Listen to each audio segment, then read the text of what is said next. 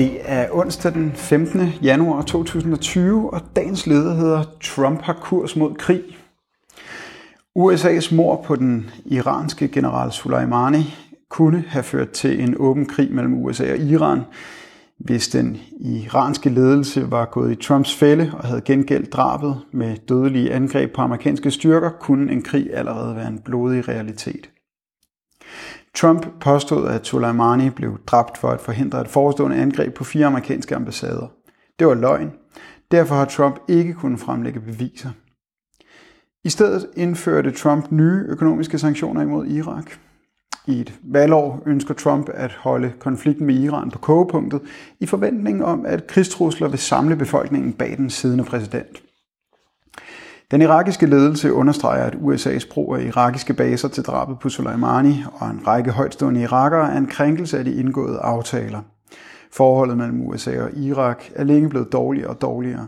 Trump er rasende over, at den irakiske regering sidste efterår indgik store økonomiske aftaler med Kina om alt fra olie og genopbygning af landets ødelagte infrastruktur. Den irakiske præsident påstår direkte, at Trump har troet med at dræbe ham, hvis ikke aftalerne med Kina annulleres. Nu spidser modsætningerne yderligere til. I Irak er millioner af mennesker på gaderne i protest imod USA, og det irakiske parlament vedtog i sidste uge en erklæring, der krævede, at de amerikanske styrker forlader landet. USA afviser arrogant at trække sig ud af Irak. De har for første færd været i landet for at kontrollere landets olierigdomme. En kontrol, man ikke har tænkt sig at opgive. Den irakiske præsident al-Sadr gentog parlamentets krav i en telefonsamtale med den amerikanske udenrigsminister Mike Pompeo og har på Twitter varslet nye massedemonstrationer i Irak for at tvinge de amerikanske soldater ud af Irak. Ifølge TV Sur har den irakiske præsident ligeledes holdt møder med en række af landets militser. Trump reagerer ved at tro Irak med sanktioner og har holdt drøftelser med Kanadas præsident om at udvide NATO's tilstedeværelse i Irak. EU-landene har stort set forholdt sig passivt til de seneste dramatiske begivenheder. De ønsker ikke en krig mellem Iran og har heller ingen interesse i USA's sanktioner mod landet, som forhindrer storkapitalen i EU i at indgå profitable aftaler med Iran. Fra sidelinjen kræver EU nu, at Iran overholder atomaftalen, som USA har trukket sig fra. Aftalens forudsætning er imidlertid, at Øh, at aktionerne mod Iran, at sanktionerne mod Iran fjernes. Derfor burde EU-landenes pres rettes mod USA.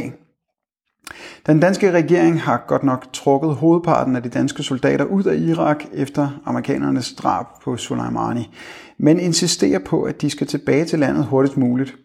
Et nyt hold danske soldater er derfor også om kort tid klar til at rykke til Irak for at overtage ansvaret for en NATO-operation i landet.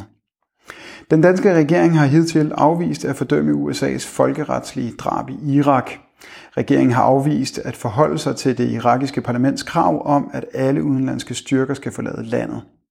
Efter at den irakiske præsident nu har gentaget kravet over for USA, er der god grund til at forstærke presset på USA, NATO, Danmark og alle andre lande, som har tropper i Irak, om at trække dem ud og efterleve folkerettens bestemmelser.